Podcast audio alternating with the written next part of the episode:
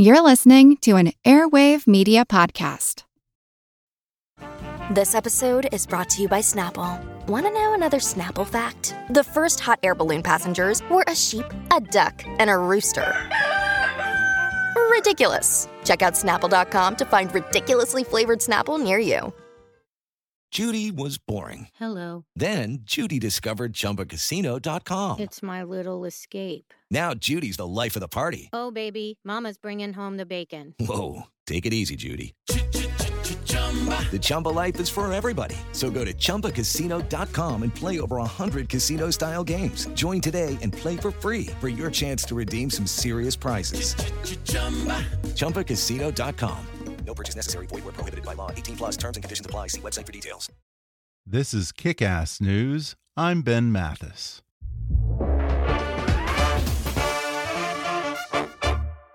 When you need energy on the go and don't have time to wait in line, grab Espresso Monster. Espresso Monster is a premium blend of espresso and cream made with freshly brewed espresso coffee, hormone free milk, and a unique energy blend complete with taurine and B vitamins. Each can has three shots of espresso and comes in vanilla espresso and espresso and cream flavors. I had one this morning before I came into the studio, and let me tell you, it gave me just the boost I needed to get my day going. Plus, it tastes so delicious, I'd drink it anyway. So close your eyes, take a sip, and enjoy Espresso Monster today. And now, enjoy the podcast. Hi, I'm Ben Mathis. Welcome to Kick Ass News. Before my guest today hit the airwaves, daytime syndicated television was more freak show than talk show, with names like Donahue, Geraldo, Maury, and of course Springer cynically exploiting dysfunctional families, troubled teens, and abused spouses for TV ratings, offering little to no educational value, and sending guests home no better off and sometimes worse off than they were before. But then in 2002, Dr. Phil McGraw debuted a show that proved that a no nonsense therapist who offered actual empathy and common sense solutions could raise awareness about mental health problems and get big ratings. In fact, The Dr. Phil Show, which is now in its 17th season, remains the number one syndicated talk show in America. And on today's podcast, Phil McGraw joins me to talk about the 2,000 plus episodes and countless guests he's helped, why many of them just can't accept that they have a problem until they see it on TV, and how every time Dr. Phil thinks he's seen it all, he encounters a guest who completely flabbergasts him. He recalls how losing a football game in junior high school inspired him to go into psychology in the first place, what it was like to go into practice with his father, and why he eventually decided to switch from getting into the minds of his patients to getting into the minds of juries, becoming one of the top trial consultants in America. He explains how that put him into contact with Oprah Winfrey, how he convinced her to move her entire TV program to Amarillo, Texas for three months during the infamous Mad Cow beef trial, and why he was initially hesitant when Oprah first invited him to come on her show. He discusses his belief that problems are complex, but solutions are often actually pretty simple, but he also says don't be fooled by the magic of television and his easygoing manner because hours of research and peer review by America's top doctors go into every single episode of The Dr. Phil Show. He shares a little relationship advice after 42 years of marriage, how his wife Robin is the Dr. Phil to Dr. Phil, always keeping him in check, and why Robin still sits in the audience of every taping of his show.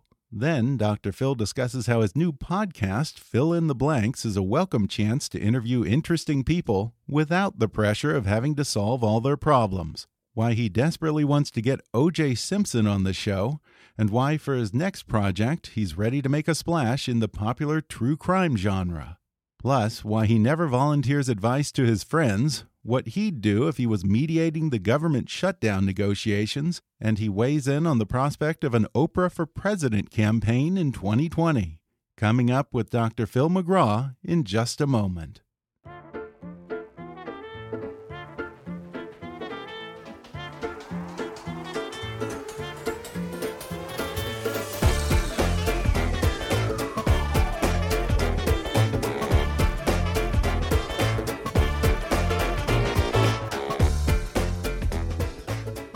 Dr. Phil McGraw is perhaps the most well known mental health professional in the world. He's the host of the number one daytime talk show, Dr. Phil, which is now in its 17th season. In addition to television, Dr. Phil is also the author of nine number one New York Times bestsellers.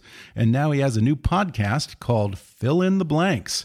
Dr. Phil McGraw, thanks for sitting down with me. Well, thanks for having me. I feel pretty important after hearing all that. well, you should, and that's just to start with. Uh, you just walked over from stage 29 where you were shooting the Dr. Phil show, and I was I watching on closed circuit here, I guess. I don't want to give away too much, but you were dealing with a guest who was kind of a handful and thought he was a smooth operator with the women and maybe wasn't. And again, I don't want to give away too much, but he said some things that were pretty shocking that anyone would do to another person. And you were just incredulous. But I have to think after how many thousand episodes you've done at this point, does anything really surprise you anymore? You know, I say I've heard it all and seen it all. And the minute I say that, oh, yeah? the minute I say that, I walk out there and somebody brings something up and I think, oh man, I didn't see that coming. You know, they say there's nothing new under the sun, but yeah. there's something about the human experience. People find new ways to run their lives off in the ditch. Yeah. it's just astounding to me. But you know, when you look at things from a distance, things can look really clear. But when you're in the trenches, it's really hard for people to see it sometimes. And I've had so many people tell me we have on our set, we have 57 feet by eight feet of laser screens. It is the most, it's the highest definition, highest resolution screens you can have.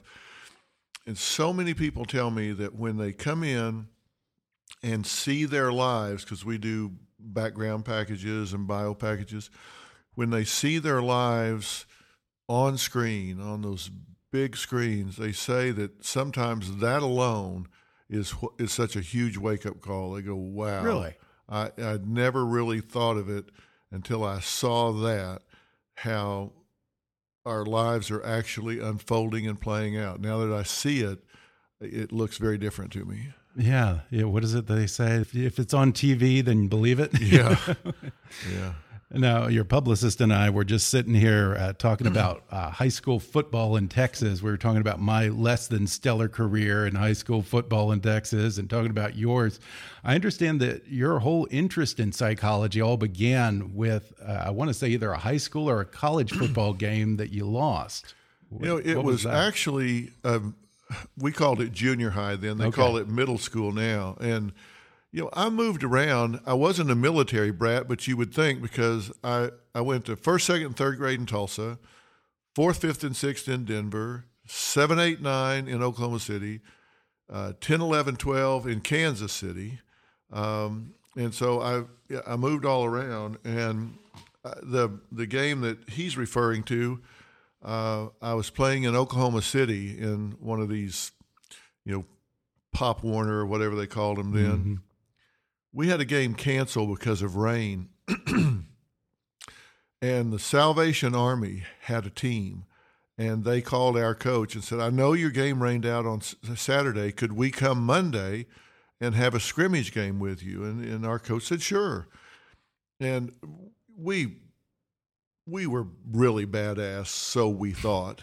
I mean, we had flashy uniforms and uh, I, everything matched. And the, this Salvation Army team pulls up in two or three pickups out there, and they come piling out of the back and look like the grapes of wrath. I'm dating myself when I say grapes yeah, of wrath. I know what you mean, though. But uh, I mean, these kids, the, the kid that lined up across from me had on blue jeans rolled up to the knees for football pants, loafers for football shoes.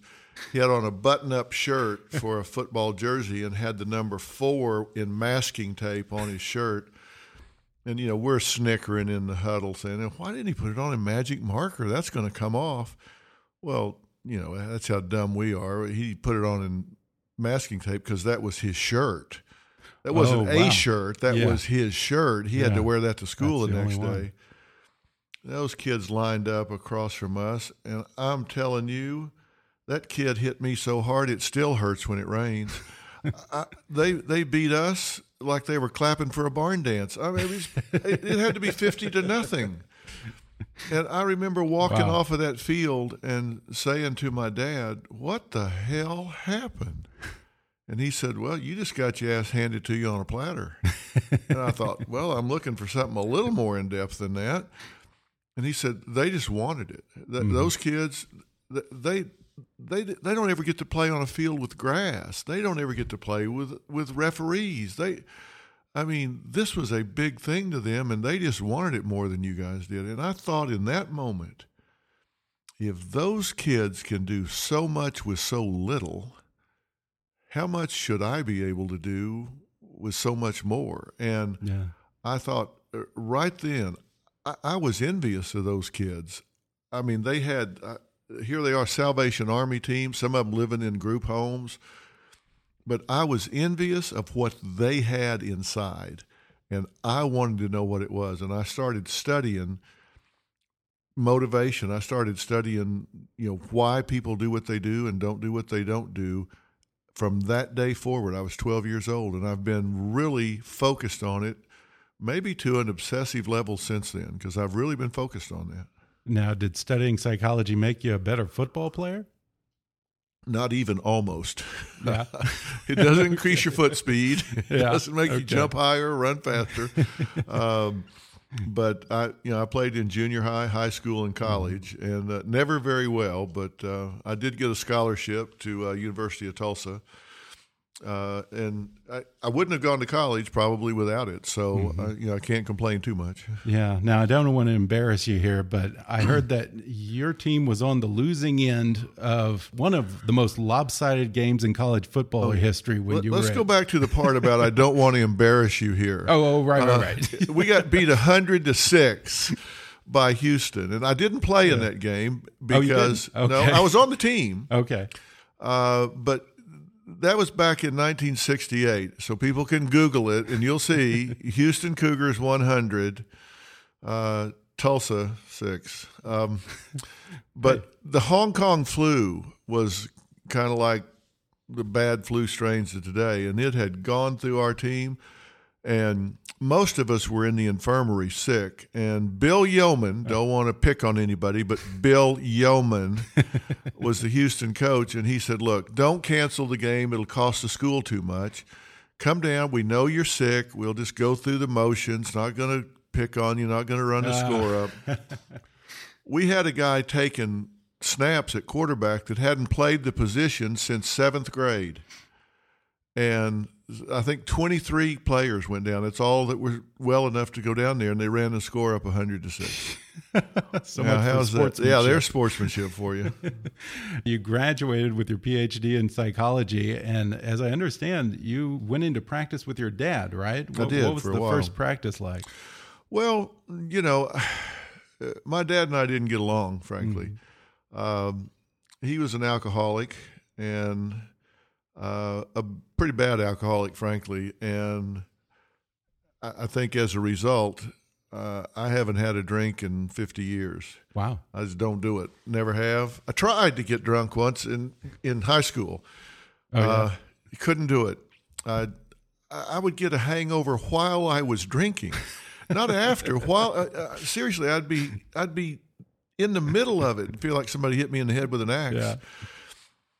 Uh, but he was a bad alcoholic, and we did not get along because of that. I Mm-hmm. didn't like him when he was drinking, which was almost always, and uh, so that was a contentious relationship, to say the least. And after that, you co founded a trial consulting firm called Courtroom Sciences, Inc. Right. What did you do with Courtroom Sciences? Well, you know, when I was going through school, you know, in psychology, you declare um, a program that you go into. You can go into clinical or counseling or school or research or educational.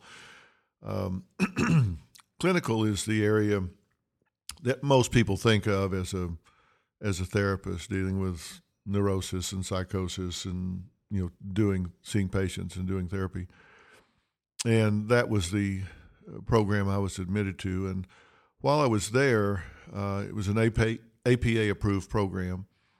They launched a new program, uh, behavioral medicine program, and so I decided rather than having a a minor area that I would complete two cores the clinical core and the behavioral medicine core.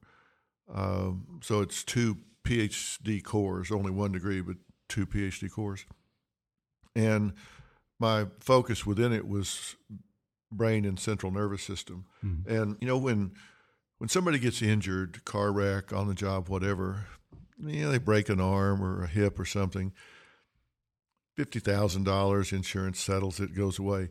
If somebody gets a brain or spinal cord injury, you're now talking millions of dollars, yeah. life plans. They hire experts to come and testify.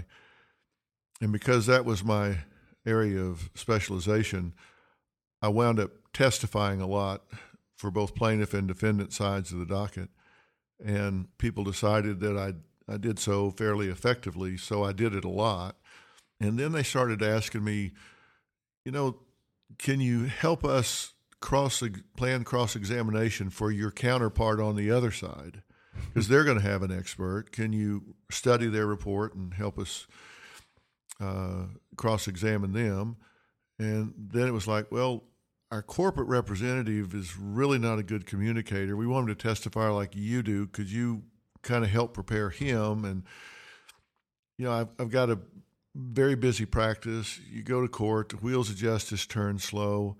You plan to be gone for a day, then you're gone for four. You got all these patients. You you can't. It, it got to where yeah. it, I had to make a choice between one or the other, and I decided I, I really love the trial work, and we decided just I'm going to do that in a big way, and so Courtroom Sciences was launched, and it was kind of Toys R Us for lawyers. I mean, we had a full size replica of a federal courtroom. Interesting. I mean, wow. Uh, the only difference being the jury box held 50 people instead of six or 12. Mm-hmm. Uh, but judges' bench elevated the whole well of the court. We had six deliberation rooms, uh, all on closed circuit television, so we could have six deliberations going on at one time, fed to a control room, much like the one we have here, all going to tape so we could study patterns of deliberation, what was the common themes, what made a difference, not mm-hmm. make a difference.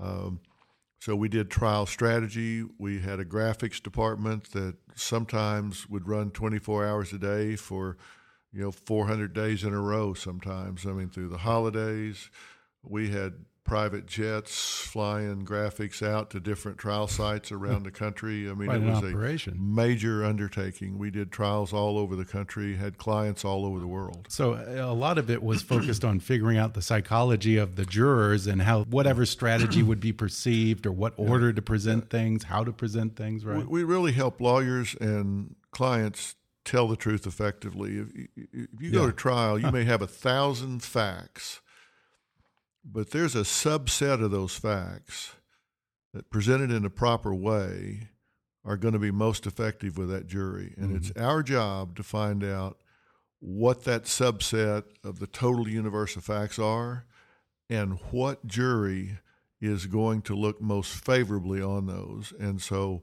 we would help put together that jury composition. We did mock trials, many, many mock trials before the actual trial took place. Mm-hmm. And then we went to trial and helped in jury selection. We would often have a mirror jury in the courtroom that matched the actual jury, and we would debrief our mirror jury every night, give feedback to the lawyers, and wow, you know, did that's elaborate. yeah, very elaborate. It was a it, it was a major rehearsal. undertaking. Yeah, yeah. Now I got to be honest. When I look at the OJ trial and things like that. I find myself feeling pretty cynical about juries. And plus, my wife is a lawyer and she tells me all of the things that you're telling me right now. You know, if it was my butt that was in a crack and I was about to go before a trial, I don't know if I would want a jury trial. From what you've seen, would you want a jury trial or would you rather take your chances with a judge? I would 100% base it on what the cause of action was. Mm -hmm. But my general attitude is juries tend to get it right Oh, really? Um, yeah, I think the collective IQ of the jury is at least 1,200. Mm -hmm. uh, that's interesting because that's not the perception from yeah. where I'm coming from. I think from where a lot of people are coming from. And I'll tell they you why people have that attitude.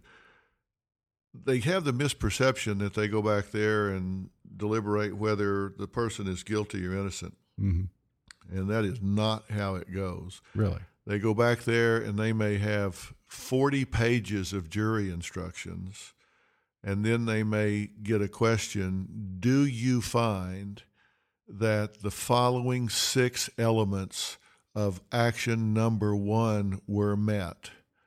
And if you do, then proceed to question two. If not, jump to question 7 mm-hmm.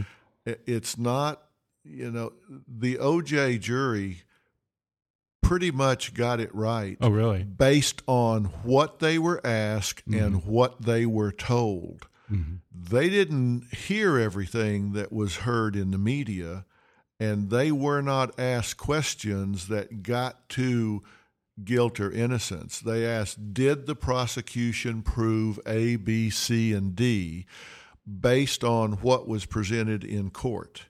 And the prosecution did not, pres- they spent the first three or four days talking about whether he was a good husband or not. Let me tell you, if you've got somebody dead to rights on murder, are you going to lead with how good of a husband he is?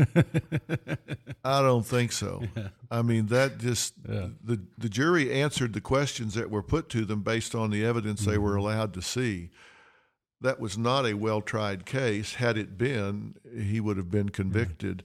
Um, but they had to get one juror, one juror, to have a yeah. doubt and he, he walks. Yeah, I mean, I guess those are pretty good odds then. Yeah. if you only have to convince one person. Somewhere along the way, I read that you recently said that you would like to have O.J. Simpson on your podcast. Uh, I would. Could he's, you think you could get the truth out of him? Well, he's never been um, he's never been cross examined. I would like to do that. I've spent really? a lot of my career uh, studying and developing techniques in deception detection. Mm -hmm. And there's a difference between spotting a lie and getting to the truth. Spotting the lie is one thing, but then once you know somebody's lying, actually getting to what is the truth mm-hmm. is a whole different skill set. Yeah. And um, I would I would like to talk with him about that night, and oh. I'd be interested to do that, and I think it would uh, be very telling. We're going to take a quick break, and then I'll be back with more with Dr. Phil McGraw when we come back in just a minute.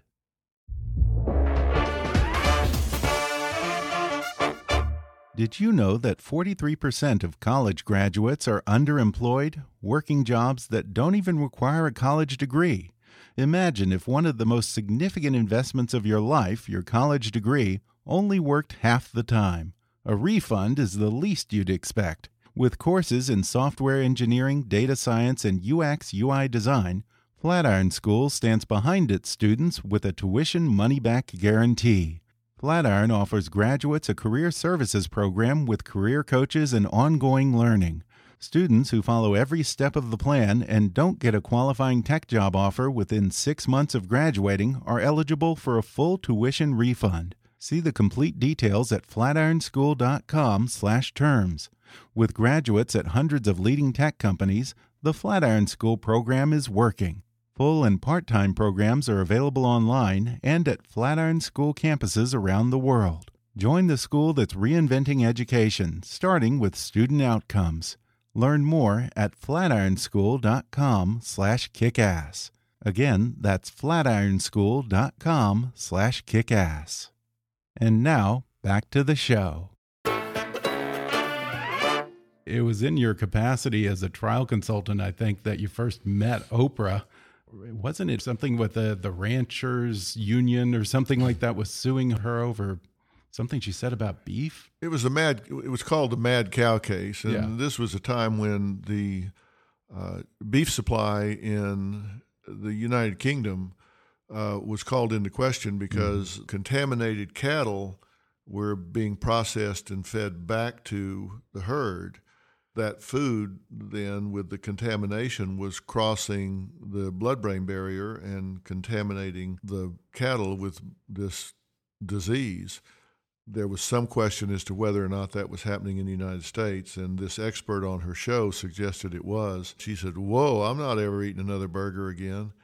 and supposedly, the beef commodities on the Chicago Board of Trade went limit down that day, which the cattle growers said that equaled billions of dollars they lost. Yeah. So they sued her in Amarillo, Texas, saying that she had impugned the beef supply. and they sued her for billions of dollars, and Yeah. we went to trial in federal court in Amarillo. Well, I mean, it is her option not to eat beef if she so chooses. And it's her option to say she isn't going to. yeah. What kind of advice did you give her along the way? Um, originally, our plan was, you know, truth is a defense to slander, and Mm-hmm. the way this worked is they said she had slandered the beef supply because it was a, a commodity that was perishable, and we had the proof that what she said uh, and what the expert had said was true that they were doing that and that the beef supply was at risk and truth is a defense to slander and we had the experts to prove that. Mid trial i made the strategic decision to change course of action and not use truth as a defense to slander. In fact hmm. overnight we got our experts outside subpoena range and got them out of amarillo and did not put them on. What we did instead was defend her right to say it. Mm-hmm. Not that it was true, but her right to express her opinion. And that's why at the end of the trial, she came out on the courthouse steps, raised her fist up, and said, Free speech rocks. that was her total statement. Did you celebrate with a steak dinner, or where'd you go from there? Uh, no, we did have a show that night Oh, right yeah. there in Amarillo because Oh, really? she moved the show to Amarillo for the Oh, really? of the trial. No kidding. Wow. She asked me in Chicago one day, What can I do to help? And I said, Well, you could move the show to Amarillo. she actually she turned did around, picked up the phone, and said, "Find me a spot in Amarillo. We're moving the show." so I mean, she was a gamer, I'll tell you. Yeah, Oprah can do that, I guess. Were you surprised when she invited you on her show after all that? Uh, I was. She, uh, a producer called and said, "You know, hey, Oprah wants you to come on the show. We're doing a show about this and so." And um, I, I actually said no. I don't think so, and I'm not going to be here anyway. I'm going scuba diving. and they said, "Well, okay." And they hung out. About 15 minutes later, she called back and said, "You don't say no to Oprah." She was laughing. Said, "You don't say no to Oprah. What are you doing?" I said, "I don't, I don't want to do it. I'm going scuba diving with my boys." And she said, "Well, how about we wait till you get back?" And I said, "Well, okay." And uh, as the old saying goes, the rest is history. So, Yeah. I mean, here I am. Uh, I guess 22 years later, still Yeah. doing television. I had no intention of doing television. At the time that you created the Dr. Phil show, you were kind of a little bit of a trailblazer because up till then, syndicated talk shows similar to yours that brought people as guests who were, you know, having some kind of problems or behavioral issues were mostly exploitative. Yeah, like it was- Donahue, Springer. Yeah, was- and you know we. I graduated from Oprah University, Yeah. and so you learn to do it in a very different way. And when I started to do Oprah, even the first time, I said, "Look, um, I don't know whether this will work or not." And she said, "Well, everybody on my staff says it won't work. That you can't create meaningful psychological moments." in this period of time. And I've told them, you can. Uh, Yeah. you know, Dr. Phil can. Uh, most people can't, but he can. Uh, just watch. And I said, look, I, I'm just going to do what I do. And if y'all turned into television, fine. If you can't, I was busy when you called me. So I, it doesn't make much difference to me. Uh, and I really planned to go do the show. I figured it would be a one time thing and we'd have a great time. And, you know, she and I were friends. We'd, hell, hell, we lived together at a bed and breakfast in Amarillo for like three months or something. So, uh, and I'd worked with her for two and a half years leading up to trial. We had become very good friends. She's very good friends with my wife. And uh, so I thought, yeah, I'm going to go up. We're going to have a good time and be something I did once and move on. Um, but I said, look, I'm just going to do what I do. If you can turn into TV, great. If you can't, fine. I just kind of do what I do, and then they work a way to do it and turn it into television. And you have had certain people in the psychiatric community who've said, well, you're just giving out easy answers and simplifying things too much. Are you perhaps a victim of your success in that you do come in and you make it look effortless and you, there's a certain assumption that you just stroll out on stage and wing it, which is not really the case at all. Yeah, Oprah said early on, she said, Your biggest problem is going to be that you make it look really easy. Yeah. And um, the fact is, it's not easy. Uh, even my own mother, she she's passed away now, but she called me uh, one time. We were talking, and she said, "Philip, let me ask you something what do you do the other 23 hours of the day?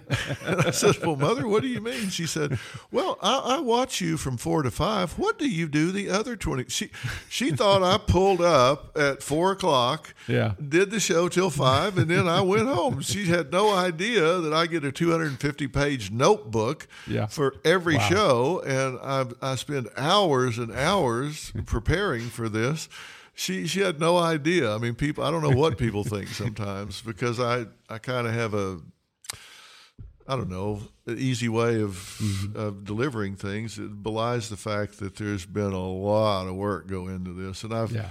you know, we have an advisory board here, right? Uh, and I heard it's, about that. it's made up of the top minds in psychology, psychiatry, medicine, sociology, even theology, nursing We've got the head of the family division from the Harvard Medical School and the children's psych division at Yale, and you know, we got Stanford University, Dr. Zimbardo, and a lot of these men and women are the editors of the peer review journals.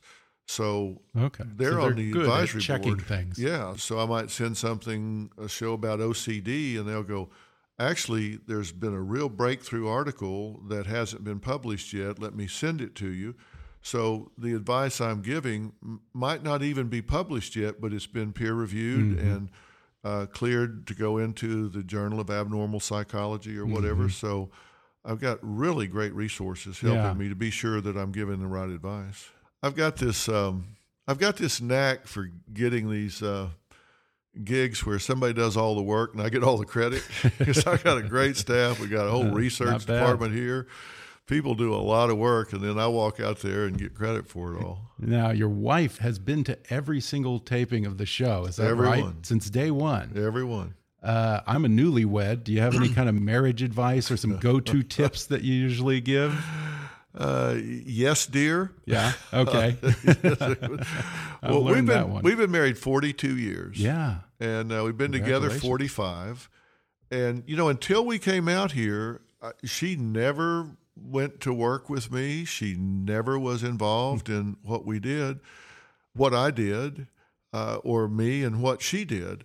And that was not the plan when we came out here. But we were doing some test shows in the beginning, and we did the first show, and uh, it was kind of like it was over. And I'm like, um, should I stand here or leave? I thought, well, I should leave. So I I walked down the runway and I'm going to turn right, and her chair's right there. And I thought, it's so unnatural just walk by my wife like I don't know her just because I'm on TV. So yeah. as I walked by, I reached down and took her hand and said, let's go. And she walked off with me, and everybody in the control room said, Oh my God, we love that. You should do that every time. And Robin said, Fine. And, you know, she does so much more than just sit in the audience mm-hmm. because she's, I, I, think, one of the mo- foremost ambassadors in the fight against domestic violence. She has a foundation that works on that. She just went with me and testified on Capitol Hill about uh, domestic violence and opioid abuse and by young mothers and their children. She's raised over $100 million in money and services for the court appointed special advocates program. Mm-hmm. She's very, very active in many of these uh, programs, and she's a feminine side for me. A lot of times I'll be yeah. preparing a show, and she'll say, You better not say that. you better not say. You better say this because she's she's my feminine yeah. side, so it yeah. really helps. Are you, are you, telling me Dr. Phil has a Dr. Phil you or, or Mrs. It. Phil? yeah, you better believe it. well, since we brought up Capitol Hill and marriage counseling, I have to ask, what would you do with the government shutdown? If you were in that room with Trump, Pelosi, and Schumer, do you think that you could have helped them make some headway or knock their heads together? Well, you know, at this point, I, I really wonder whose agenda is being run. Mm-hmm. Um, everybody involved in this is being paid uh, to run the business of this country, and not any of them are doing it. And I think they're all jockeying for position. I think they're all jockeying to protect their jobs. And who's doing our who's doing what we're paying them to mm-hmm. do? I, I'm I'm apolitical. I, I don't right. take political sides or positions, uh, but I'm kind of like a pox on both houses. I mm-hmm. mean, come on, yeah, guys, uh, let's let's we we've got what eight hundred thousand workers not getting paid. These people have families and children, uh, you know, children yeah. and and mortgages to pay and food to put on the table. Um, I just think that's just not a very good strategy. How about in terms of addressing the political divide on the macro level? You know, getting people to the table and being able to have productive conversations without yelling or otherizing or Well, you know, I'm very disappointed that we've always been able to disagree, have a healthy debate, mm -hmm. and then say, "Hey, Ben, let's go to lunch." You know, we can disagree. I don't like your idea, you don't like mine. We can talk about it uh, respect each other's right to have their opinion, and then say, okay, we're through talking about that. Let's go grab a hamburger. That's not how it is anymore. No. I mean, I, I, think some of this is approaching McCarthyism. It's mm-hmm. I, I, see it in Hollywood. I see it uh, in lots of ways on both sides of the aisle. I am very concerned. Uh, you know, we we preach all this inclusion and and freedom of speech, but we sure don't seem to be practicing it. Well, I want to bring it back to your new podcast, Phil in the Blanks, which I want to point out is P H I L, right? Right. um, it must be especially nice for you to be able to sit down with someone and have a conversation without having the pressure of trying to solve all their problems. You know, it really is because on on Dr. Phil, necessarily, uh, you know, I've got 42 minutes and 18 seconds of, of content time. Mm-hmm. Um, and I've got someone in front of me that presents a problem. Nobody comes here to tell me how well things are going. I've, I've never had a guest come and say, I just want to stop by and let you know how great things are going in my life. Yeah. Um, and so by design, I'm on task with that issue and that problem uh, every time.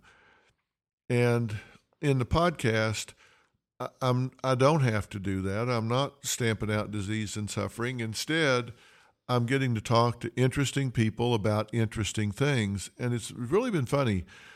I only have the second one up now.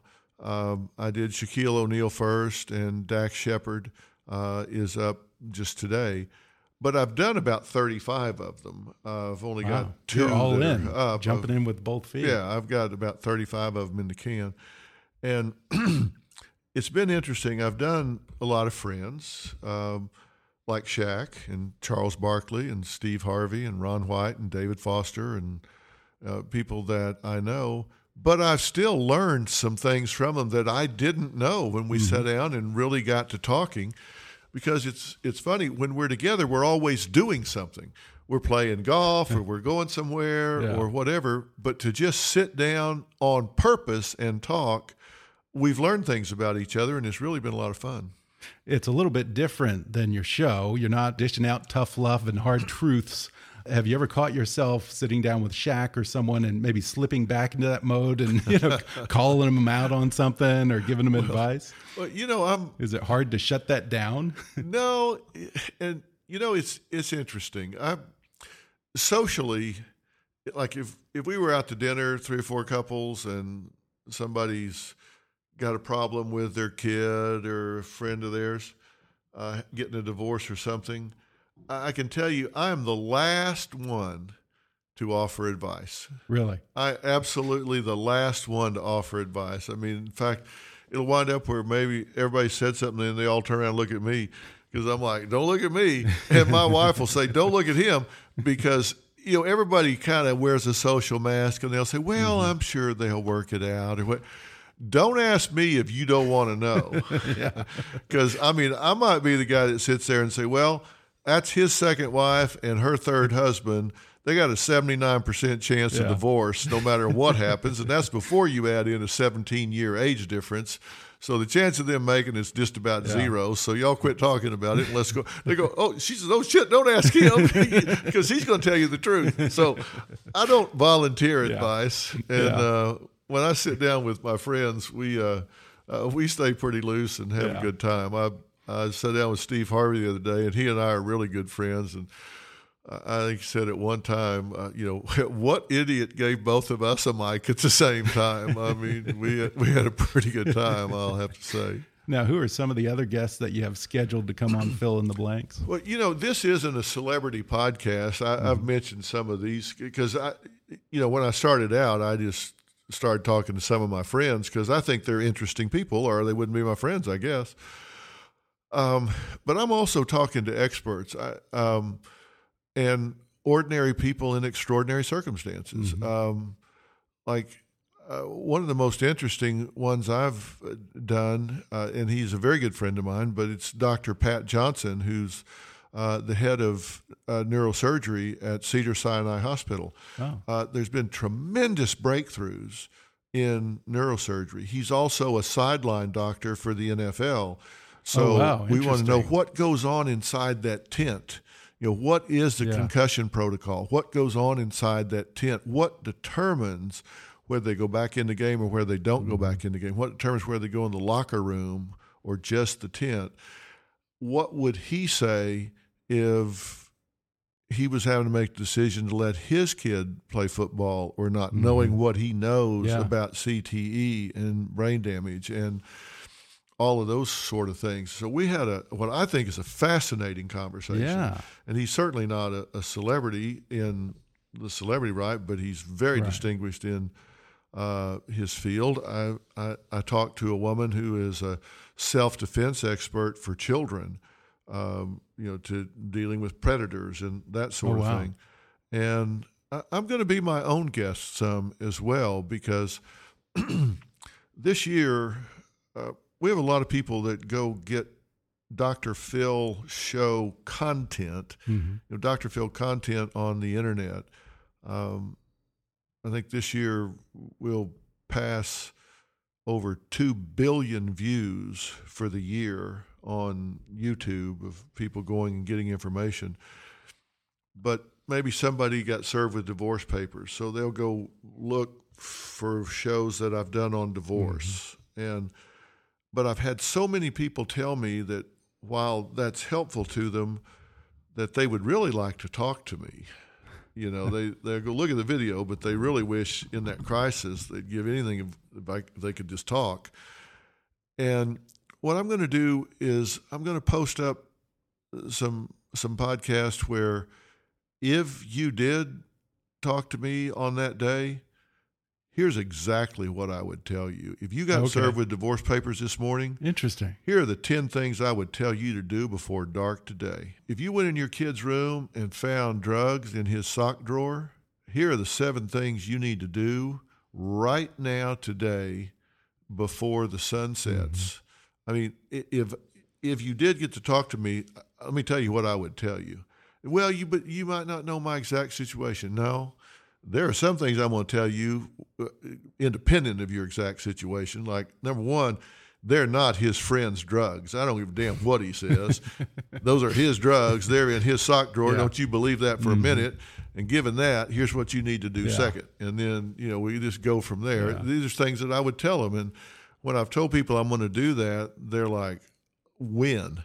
Yeah. Uh, so they, I think that's going to be interesting to people as well. We're going to talk to some couples um, about you know, just being couples. So we can do a lot of different things that I think haven't been done yet. That's cool. Sounds like you're giving yourself a lot of room to kind of go where you want to go and do different things, different formats. Yeah. That's great. And I also heard that you're going to do a true crime podcast, which seems perfect for you with your jury selection experience and psychology. And yeah, I spent a lot of time yeah. in the legal system, and you know, I, I said I did clinical and behavioral medicine.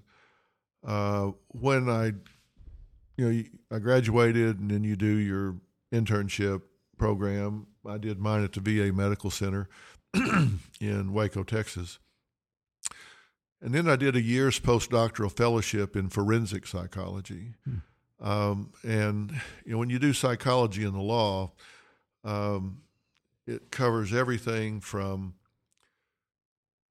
working with the court on custody situations, fitness of a parent, or whatever, all the way through making determinations of sanity uh, in murder cases. Is this person uh, fit to be tried?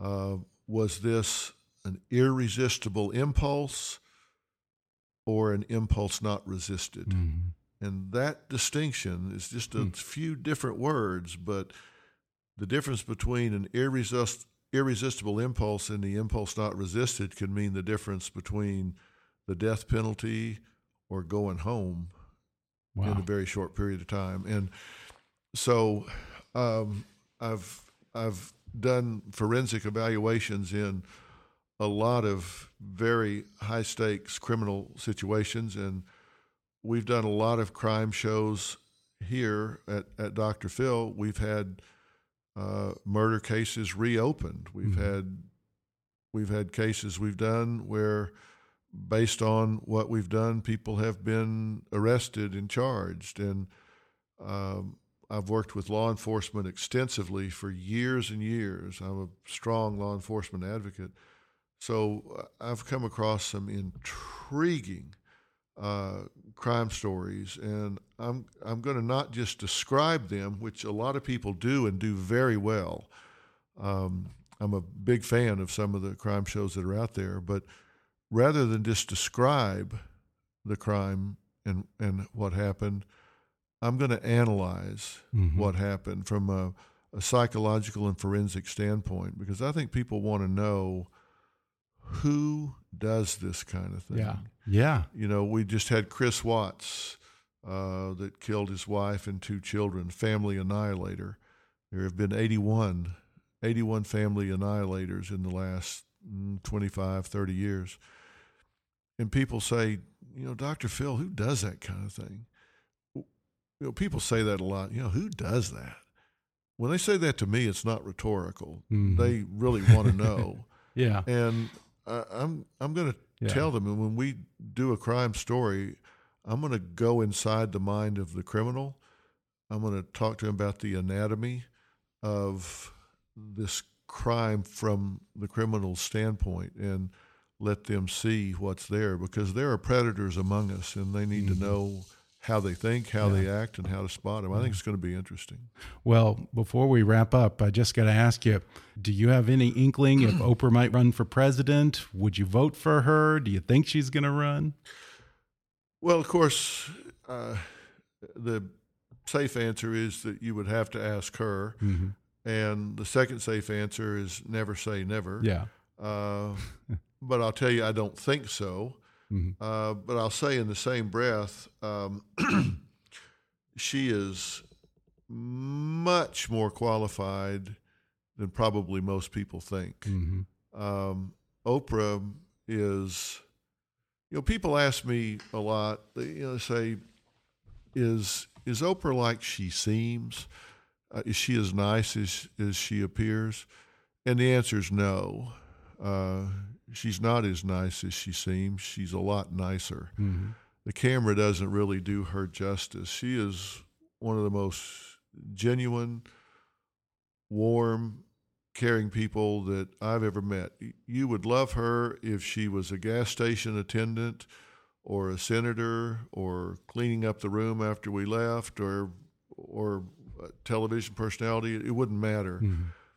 She's got what I call a health engendering personality you talk to her, you feel better about yourself, than you did before you talked yeah. to her.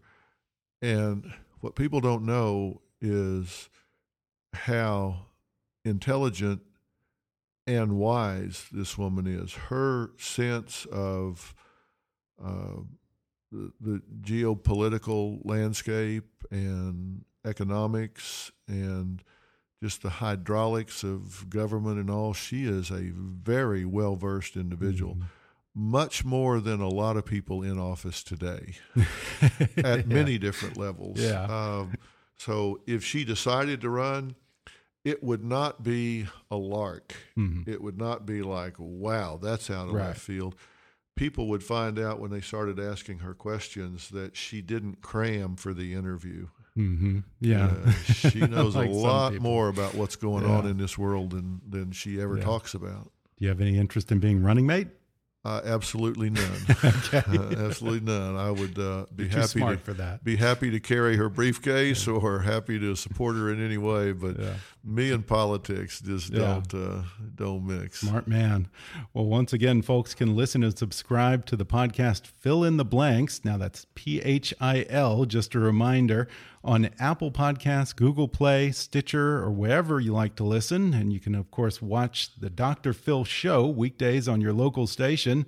Dr. Phil McGraw, thanks for talking with me. Hey, thanks for having me. I really enjoyed this. Thanks. Me too.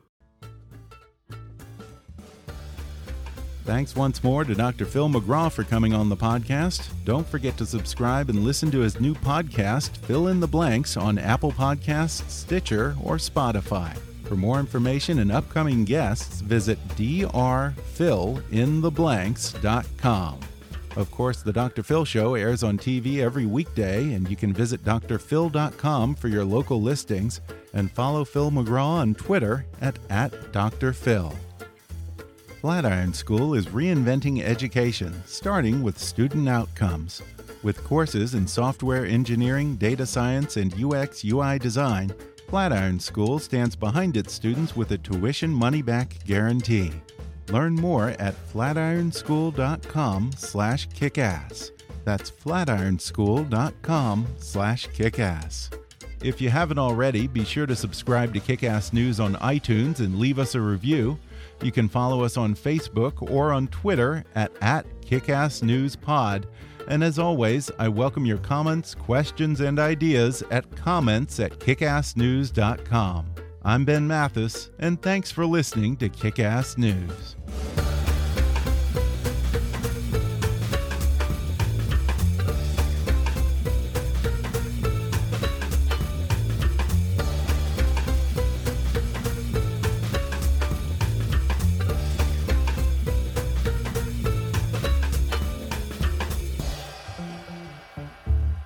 Kickass News is a trademark of Mathis Entertainment, Inc.